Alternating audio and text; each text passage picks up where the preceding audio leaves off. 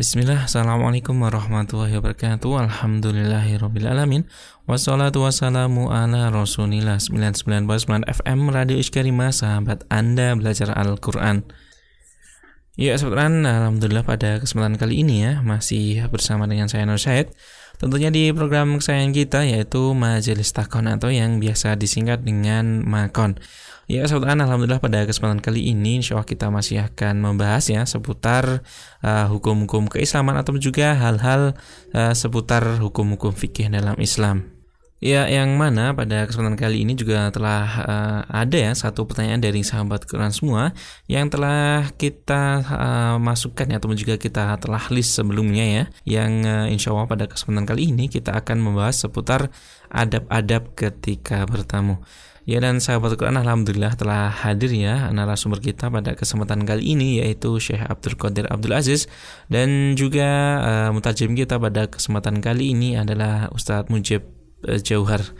Dan sahabatan uh, eh, marilah mungkin langsung saja ya kita serahkan waktu secukupnya untuk beliau berdua untuk memulai mengupas pertanyaan yang menjadi topik kita pada kesempatan kali ini.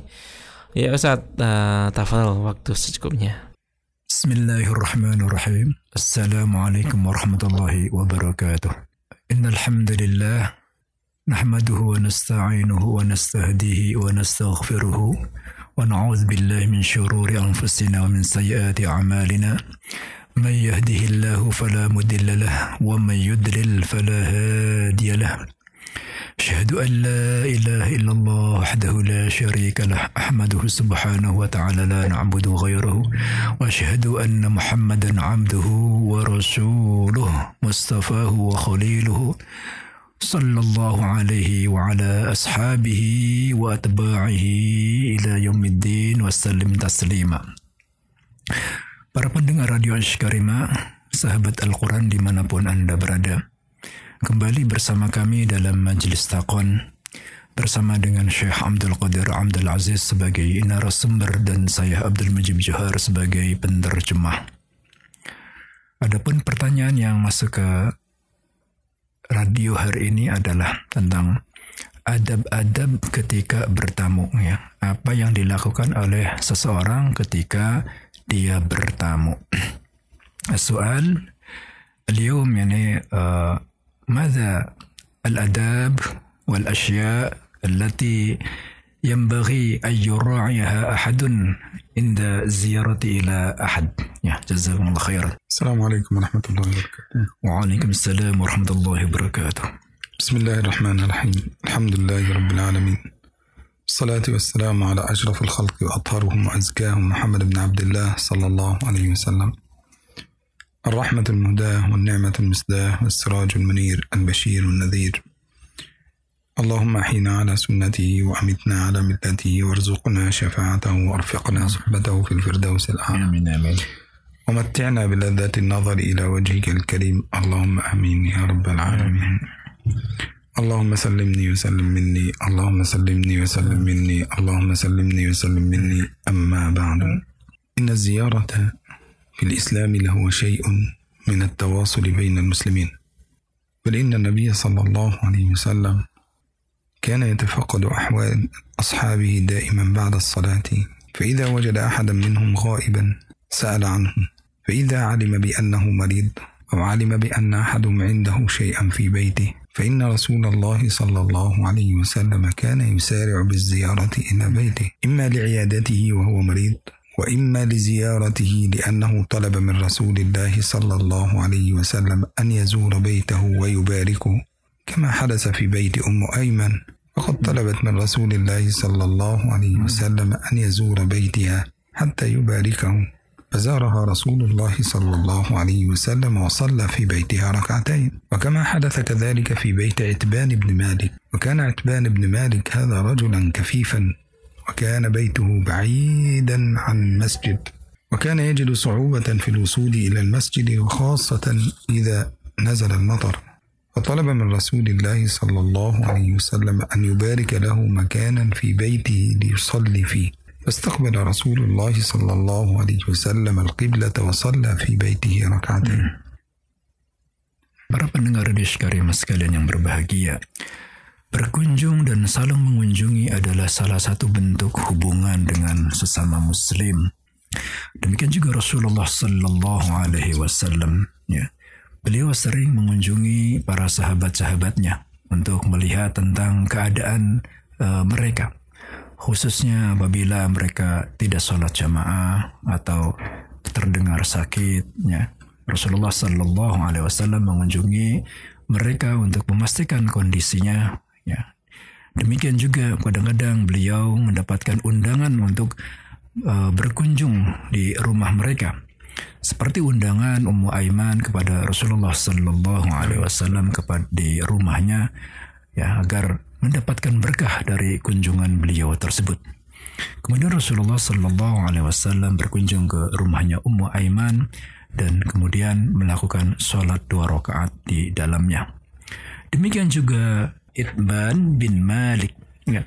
Beliau mengundang Rasulullah Sallallahu Alaihi Wasallam ke rumahnya agar dengan harapan ya, rumahnya tersebut mendapatkan keberkahan dengan kunjungan Rasulullah Sallallahu Alaihi Wasallam tersebut. Kemudian beliau memenuhi undangan Aitban bin Malik dan melakukan kunjungan ke rumahnya dan begitu sampai di rumahnya langsung menghadap kiblat dan kemudian melakukan sholat dua rakaat di dalamnya. بل حتى أن رسول الله صلى الله عليه وسلم كان يتفقد في أحواله الصغار أيضا. إذا غابوا عن المسجد أو إذا غابوا عن طريقه فإذا وجد واحدا منهم غائبا سأل عليه فإذا وجد هناك ما يسره أو وجد أنه انقطع لأمر ما نجد أن رسول الله صلى الله عليه وسلم كان يسرع حتى يدخل السرور على الأقل. وهذا كما روى أنس بن مالك رضي الله عنه أنه كان له أخ صغير وكان اسمه عمير. وكان عنده عصفور صغير. وكان هذا العصفور يسمونه النغير. يعني كان يسمي عصفوره بالنغير. فمات عصفوره وكان عمير هذا دائما ما يحمل العصفور معه. وهو يمشي به في الطرقات. فمات عصفوره فانقطع عن الطريق وانقطع عن طريق رسول الله صلى الله عليه وسلم. فسأل النبي صلى الله عليه وسلم أنس بن مالك عن حال عمير فقال له أنس لقد مات عصفوره يا رسول الله. وهو حزين ويجلس في بيته مغضبا يعني يجلس في بيت أم سليم مغضب. فذهب رسول الله صلى الله عليه وسلم إلى بيته واستأذن ثم دخل عليه. وجلس يناغيه ويلاعبه وهو يقول له يا عمير ماذا فعل النغير؟ هكذا يا عمير ماذا فعل؟ النغير هذا كان من رسول الله صلى الله عليه وسلم حتى يدخل السرور على قلبه بل إنه حتى رسول الله صلى الله عليه وسلم كانت له أهداف كثيرة من الزيارة. فمن أهدافه صلى الله عليه وسلم في هذه الزيارة أنه إذا علم بأن يهوديا قد مرض وأنه يرجى شفاء هذا المرض وأنه يرجى من هذا المريض أن يدخل الإسلام فإن رسول الله صلى الله عليه وسلم كان يسرع إلى بيته ويدعوه إلى عبادة الله سبحانه وتعالى Bahkan Rasulullah Sallallahu Alaihi Wasallam beliau biasa ya mendatangi atau mengunjungi anak-anak ya dengan maksud apa? Dengan maksud untuk menghiburnya, ya, dengan maksud untuk menghiburnya. Sebagaimana latihan dari Anas bin Malik radhiyallahu anhu bahwasanya beliau mempunyai saudara namanya Umair. Umair ini mempunyai peliharaan seekor burung, ya seekor burung yang kecil. Dia biasa bermain dengan burung tersebut. Kemudian pada satu hari burungnya tersebut mati. Ya, burungnya ini namanya Nughair. Ya, kemudian burungnya ini mati. Kemudian setelah itu, ya setelah burungnya mati, si Umar ini diam di rumah saja dalam keadaan sedih, ya namun sedih. Kemudian Rasulullah Sallallahu Alaihi Wasallam tidak melihat Umar ini, dan beliau bertanya kepada Anas bin Malik, wahai Anas, ke mana Umar? Umar ini sedang bersedia Rasulullah, ya burungnya telah mati. Ya. Kemudian Rasulullah Sallallahu Alaihi Wasallam segera datang ya ke rumahnya Umar dan kemudian minta izin untuk masuk. Setelah masuk beliau menghibur ya menghibur Umar ini dan kemudian mengajaknya uh, bermain ya. Kemudian beliau bertanya, Ya, wahai ya Umair, mada fa'ala Nughair? Ya. Wahai Umair, apa yang sedang sedang dikerjakan oleh Nughair ini? Ya, demikianlah beliau menghibur Umair yang sedang bersedih hati ditinggalkan oleh burungnya tersebut. Ada beberapa tujuan dalam kunjungan Rasulullah Sallallahu Alaihi Wasallam tersebut. Di antaranya adalah ya tuju untuk tujuan dakwah ya.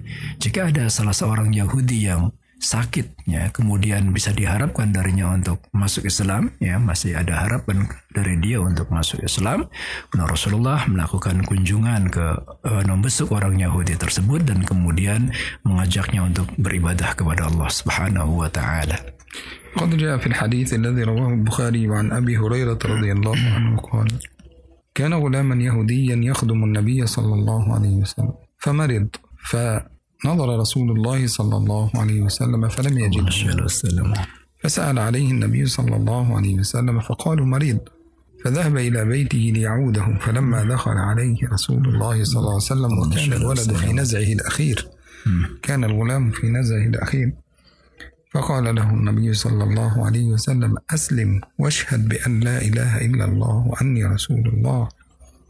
فنظر الولد إلى أبيه فقال الولد فقال أبوه أطع أبا القاسم أطع أبا القاسم. فقال الولد أشهد أن لا إله إلا الله وأشهد أن محمد رسول الله. زاد في رواية أبي داود وقال رسول الله صلى الله عليه وسلم الحمد لله الحمد لله نفس نجت من النار نفس نجت من النار. وفرح رسول الله صلى الله عليه وسلم. بل إن رسول الله صلى الله عليه وسلم كان إذا مرت عليه جنازة يهودي يحزن كثيرا رسول الله صلى الله عليه وسلم. مع أنه من المفترض أن يفرح لأن هذا يهوديا نعم. وأن هذا كان يعادي الإسلام لكن رسول الله صلى الله عليه وسلم كان يحزن ويقول نفس تفلتت مني إلى النار. نفس تفلتت مني يعني لم أستطع أن أمسك بها لم أستطع أن أدخلها الإسلام. تفلتت من الإسلام أي مثل تفلت الإبل هكذا. الإبل حينما تربط فإذا فكت الرباط هذا يسمى تفلت هكذا. فقال نفس تفلتت مني إلى النار. معنى ذلك أن رسول الله صلى الله عليه وسلم كان يحزن حتى على النفس التي لم تدخل في الإسلام. ولذلك النبي صلى الله عليه وسلم حينما ننظر في زياراته فنجدها إما لتفقد صاحب أو إما لتفقد مريض أو إما للدخول على مريض من اليهود أو غيره حتى يرجى إسلامه.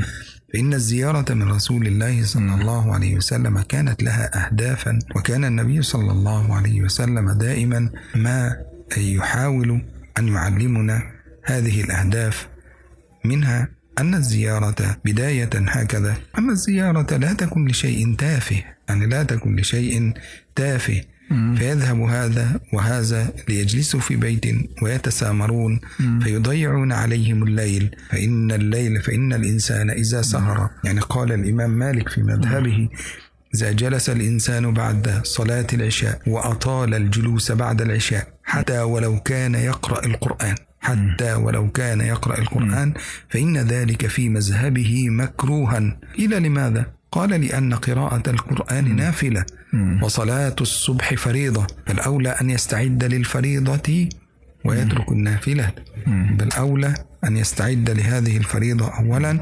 ولذلك كان من هديه صلى الله عليه وسلم أنه إذا دخل إلى بيته يصلي أربعا ثم يستريح ثم يقوم. بعد ذلك من الليل ما شاء الله حتى يصلي صلاة الصبح ثم بعد ذلك يضجع قليلا رسول الله صلى الله عليه وسلم Diriwayatkan dari dalam hadis Bukhari dari Abu Hurairah radhiyallahu an bahwasanya beliau Rasulullah sallallahu alaihi wasallam mempunyai seorang uh, budak ya, mempunyai seorang pelayan, ya, mempunyai seorang pelayan dari orang Yahudi. Kemudian pelayan ini sakit. Ya, kemudian Rasulullah Sallallahu Alaihi Wasallam datang mengunjunginya dan membesuknya. Kemudian beliau berkata kepada si pelayan tersebut yang sedang sakit tersebut, masuklah kepada Islam, aslim ya, masuklah kepada Islam ya. Kemudian si pelayan ini melihat, memandang kepada bapaknya, ya seolah-olah meminta pandangan kepada bapaknya tersebut. Kemudian bapaknya mengatakan, Ati Abul Qasim, taatilah, taatilah Abul Qasim, turutilah Abul Qasim. Ya, kemudian si gulam ini, si pelayan ini langsung uh, menyatakan asyhadu an la ilaha illallah wa asyhadu anna muhammadar rasulullah. Kemudian Rasulullah sallallahu alaihi wasallam sangat gembira sekali. Kemudian dalam uh, hadis di, dari tambahan dari Abi Dawud ya beliau bahasanya beliau mengatakan nafsun najat minan nar. Nafsun najat minan nar. Seorang jiwa ya seorang jiwa telah selamat dari api neraka.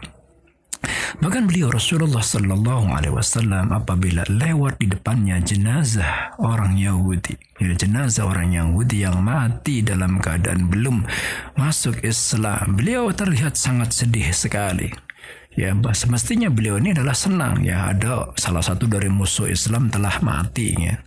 Tapi beliau sangat sedih sekali ya. Karena beliau mengatakan kemudian beliau mengatakan nafsun tafallatat minni ilan nar. Nafsun tafallatat minni ilan nar ya. Salah satu jiwa telah lepas ya telah lepas dariku sehingga kemudian dia masuk neraka. Artinya jiwa dia tidak bisa diselamatkan oleh Rasulullah Sallallahu Alaihi Wasallam. Seperti seekor unta, seekor unta yang lepas ya kemudian kabur dan tidak bisa dibimbing lagi, tidak bisa di tidak bisa diarahkan lagi ya. Demikianlah keadaannya. Orang Yahudi yang mati dalam keadaan belum memeluk Islam tersebut ya dia telah lepas dari genggaman Rasulullah Sallallahu Alaihi Wasallam kemudian mati dan masuk ke neraka. Jadi demikianlah kunjungan ke salah satu tujuan dari kunjungan-kunjungan Rasulullah Sallallahu Alaihi Wasallam. Ya, apa apakah itu untuk uh, mengetahui keadaan para sahabat-sahabatnya, ya atau untuk mengunjungi orang sakit, ya, atau untuk mengunjungi seseorang yang seorang yang diharapkan bisa masuk Islam. Jadi kunjungan beliau itu bukan kunjungan yang sia-sia. Ya, kunjungannya ada ada salah satu tujuannya adalah tujuan yang sangat penting sekali.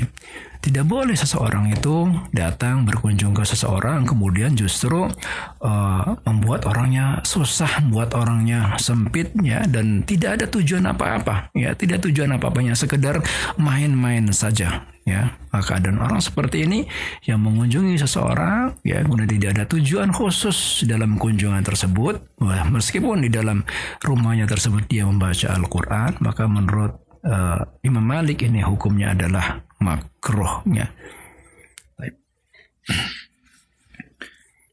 أما آداب الزيارة التي لابد أن يتحلى بها المسلم ومن هذه الأشياء نعرف أول يعني أدب من آداب هذه الزيارة التي يجب أن يتحلى بها المسلم حينما يزور أي بيت.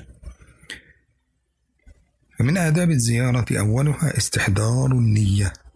استحضار النية. وذلك لحديث عمر بن الخطاب رضي الله عنه أن رسول الله صلى الله عليه وسلم قال إنما الأعمال بالنيات وإنما لكل امرئ ما نوى. فمن كانت هجرته إلى الله ورسوله فهجرته إلى الله ورسوله ومن كانت هجرته إلى دنيا يصيبها أو امرأة ينكحها فهجرته إلى ما هاجر إليه. ولو نظرنا في هذا سنجد أن رسول الله صلى الله عليه وسلم كانت له نوايا كثيرة في هذا فمثلا في قصة اليهودي ذهب إليه لأنه يرجى منه أو يرجو منه أن يدخل الإسلام. فلا تتفلت هذه النفس وتدخل النار إذا أراد النبي صلى الله عليه وسلم بنيته أن ينجيه من النار ويدخله الجنة. أما بالنسبة إلى الطفل الصغير وهو عمير فإن رسول الله صلى الله عليه وسلم قد علم أن هذا الطفل حزين. وأن رسول الله صلى الله عليه وسلم كان رحيما ويريد أن يدخل السرور على قلب هذا الطفل حتى لا يظل حزينا فعلم أن ذهابه إليه سيغير في حياته شيئا آخر. وبالتالي ذهب إليه رسول الله صلى الله عليه وسلم فأدخل السرور على قلبه. ولو نظرنا في قصة أم أيمن فإنها قد طلبت من رسول الله صلى الله عليه وسلم طلبا وهو أن يبارك لها بيتها. وإن رسول الله صلى الله عليه وسلم ما كان ليرد سائلا ما لم يكن ذلك السؤال محرما أو إثما. وأما عتبان بن مالك فجبر النبي صلى الله عليه وسلم بخاطره لأنه كان رجلا أعمى وكان له دليل في الطريق ولكن عند المطر كان لا يستطيع أن يذهب إلى المسجد لأن الوحل شديد والمكان بعيد. فبارك له رسول الله صلى الله عليه وسلم ولبى له طلبه. وفي كل هذا لو نظرنا فنجد أن رسول الله صلى الله عليه وسلم ما كان يفعل هذه الأمور. لا بناء على طلب فيجبر خاطر صاحبه. أو بناء على أنه يرى إنسانا مكسورا. فيرفع النبي صلى الله عليه وسلم من شأنه كمثل عمير هكذا. أو أن رسول الله صلى الله عليه وسلم يفعل شيئا من باب الأمر بالمعروف والنهي عن المنكر.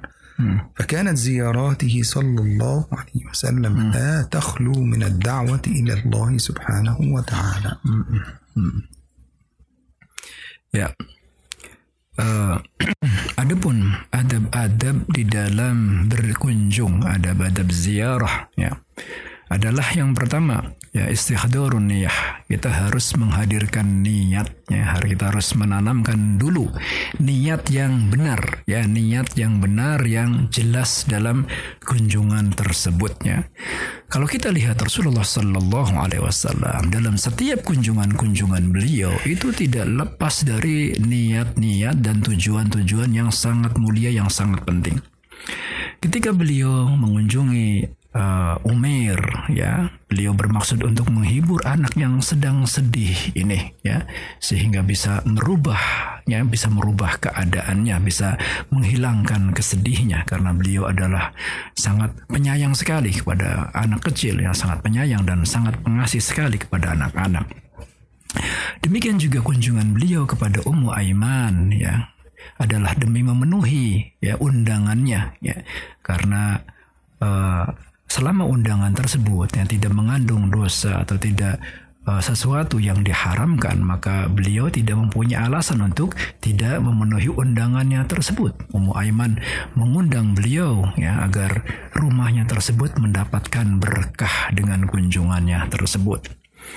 Sedangkan uh, Aidban bin Malik ya kunjungan beliau kepada Aidban bin Malik adalah dalam rangka untuk uh, menutupi kesedihannya, menutupi rasa kekecewaannya. Ya, menutupi rasa kekecewaannya dan kesedihannya karena beliau ini tidak bisa pergi ke masjid. Itban bin Malik ini adalah orang yang tunanetra, orang yang buta, ya. Kemudian beliau tidak mempunyai apa? Tidak mempunyai penunjuk jalan untuk menuju ke masjid, ya. Apalagi situasi kan situasi hujan deras dan kemudian uh, setelah hujan tersebut akan banyak lumpur sehingga menghalangi beliau untuk pergi ke masjid. Maka keadaan beliau sangat sedih sekali, ya, sangat sedih karena nggak bisa pergi ke masjid. Kemudian beliau mengundang Rasulullah Sallallahu Alaihi Wasallam untuk sholat di rumah beliau. Ya. Maka Rasulullah bermaksud untuk uh, menutupi kesedihannya, ya, menutupi kesedihannya dengan berkunjung ke rumah beliau dan kemudian melakukan sholat di dalamnya. Kemudian kunjungan beliau ke orang Yahudi ya orang Yahudi yang bisa diharapkan untuk masuk Islam ya itu juga adalah bermaksud untuk apa tujuan-tujuan dakwah ya jadi demikianlah kalau kita lihat kunjungan beliau ini adalah tidak lepas dari tujuan-tujuan untuk berdakwah ومن استحضار النية أن ينوي بالعمل أو ينوي بذهابه أكثر من نية فيعدد النيات حتى يكون الأجر أكثر فمثلا إذا زار واحد في قرية مثلا فينوي بزيارته. مثلا إذا كان قريب مثلا فينوي صلة الرحم. هكذا. وزيارة القريب. يعني صلة الرحم وزيارة القريب. وتقوية العلاقات بين المسلمين. وأن ينوي مثلا معهم زيارة أخ له في الله. يعني يعدد النيات هكذا. ولذلك جاء في الحديث الذي رواه مسلم عن أبي هريرة رضي الله عنه قال قال رسول الله صلى الله عليه وسلم إن رجلا قد زار أخا له في الله في قرية. يعني ذهب إلى قرية بعيدة فزار أخا له في الله. يعني رجل كان يعرف كان له صديق فزاره. فأرسل الله على مدرجته ملك. يعني في طريقه الذي يمشي فيه أرسل الله إليه ملك. فسأله إلى أين تذهب؟ فقال أذهب إلى قرية كذا لزيارة أخ لي في الله. فقال له الملك أو الملك هل لك هل لك عليه من نعمة تربها؟ يعني هل لك عنده من مال تريد زيادة تربها يعني تزيدها يعني تزيدها. هل لك عنده من نعمة تربها؟ يعني لك عنده مثلا من غنم تريد أن تزيدها. لك عنده مال تريد أن تزيده. لك عنده مثلا حيوان أي حيوان تريد أن تزيده. فقال له إني أريد زيارته في الله. إني أحب أن أزوره في الله. فقال الملك. إن الله عز وجل قد أرسلني حتى يخبرك أن الله قد أحبك كما أحببته في الله. يعني الله سبحانه وتعالى أحبك كما أحببته في الله سبحانه وتعالى. وبالتالي هنا حينما ننظر إلى هذا الحديث هذا بنية واحدة فقط وهي زيارة الأخ في الله. فإن الله عز وجل قد أرسل الملك الذي يخبره ويقول له إن الله قد أحبه كما أحب هذا الرجل صاحبه. بالتالي فعلى الإنسان أن يجدد النية وأن يستحضر النية وأن يكون عنده نيات كثيرة لأنما كلما زادت النيات كلما كثر العمل كلما كثر أجر العمل. فسيأخذ أجر صلة الرحم وسيأخذ أجر زيارة الأقرباء وسيأخذ أجر آه زيارة أخ له في الله وكلهم في النهاية بأجور متعددة.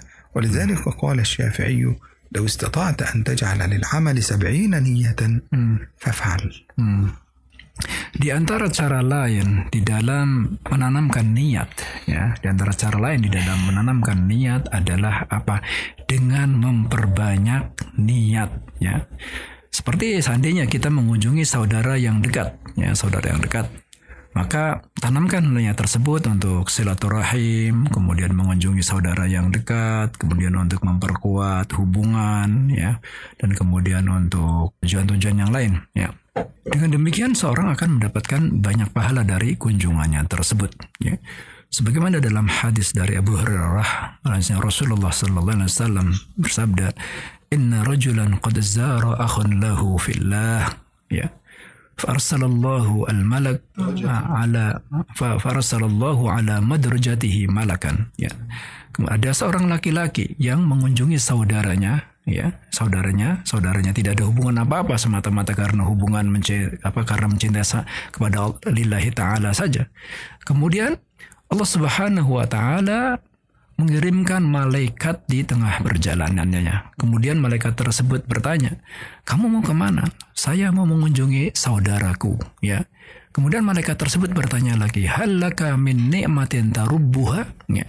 Apakah kamu punya nikmat ya akan punya sesuatu kepentingan yang engkau berharap agar kepentingan kamu tersebut bisa masalah bisa terjaga atau bisa bertambah ya ya seperti ya mungkin dia ingin anu ingin apa ingin uh, menanam menitipkan kambing ya misalkan gitu ya. Atau ingin uh, pinjam uang ya untuk minta tolong apa dan lain sebagainya ya. Yang penting untuk tujuan-tujuan duniawi lah gitu kan.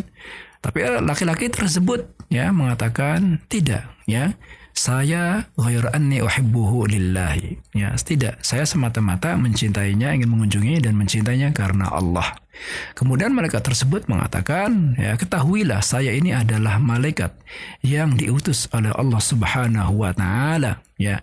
Dan bahwasanya Allah Subhanahu wa taala ya telah mencintai kamu, ya, sebagaimana kamu mencintai saudara yang tersebut karena Allah, ya. Fa innallaha ahabbaka kama ahbabtahu fillah ya. Sungguhnya Allah Subhanahu wa taala telah mencintaimu ya, telah mencintaimu sebagaimana kamu mencintai dia dia karena semata-mata karena Allah Subhanahu wa taala. Demikian. Jadi dalam kunjungan kita, mari kita tanamkan niat ya. Apa saja niat ya, semakin banyak niat kebaikan, maka akan semakin banyak pahalanya. Sebagai Imam Syafi'i rahmatullah alaihi beliau mengatakan ya, kalau engkau bisa yang menjadikan satu amal dengan 70 niat, ya, satu amal dengan 70 niat, maka kerjakanlah. Para pendengar radio Karimah sekalian yang berbahagia, ya demikianlah ya pengajian kita hari ini. Insya Allah akan kita lanjutkan lagi pada sesi berikutnya. Terima kasih, jazakumullah khairan atas perhatiannya. Kami mau pamit untuk mengundurkan diri. Mudah-mudahan kita masih diberikan kesempatan untuk berjumpa pada yang berikutnya. Ya. Assalamualaikum warahmatullahi wabarakatuh. Waalaikumsalam warahmatullahi wabarakatuh. Ya saudara demikian tadi perjumpaan kita pada Makon edisi kali ini. Semoga apa yang telah disampaikan oleh beliau berdua bisa menjadi manfaat bagi kita semua. Amin ya robbal alamin.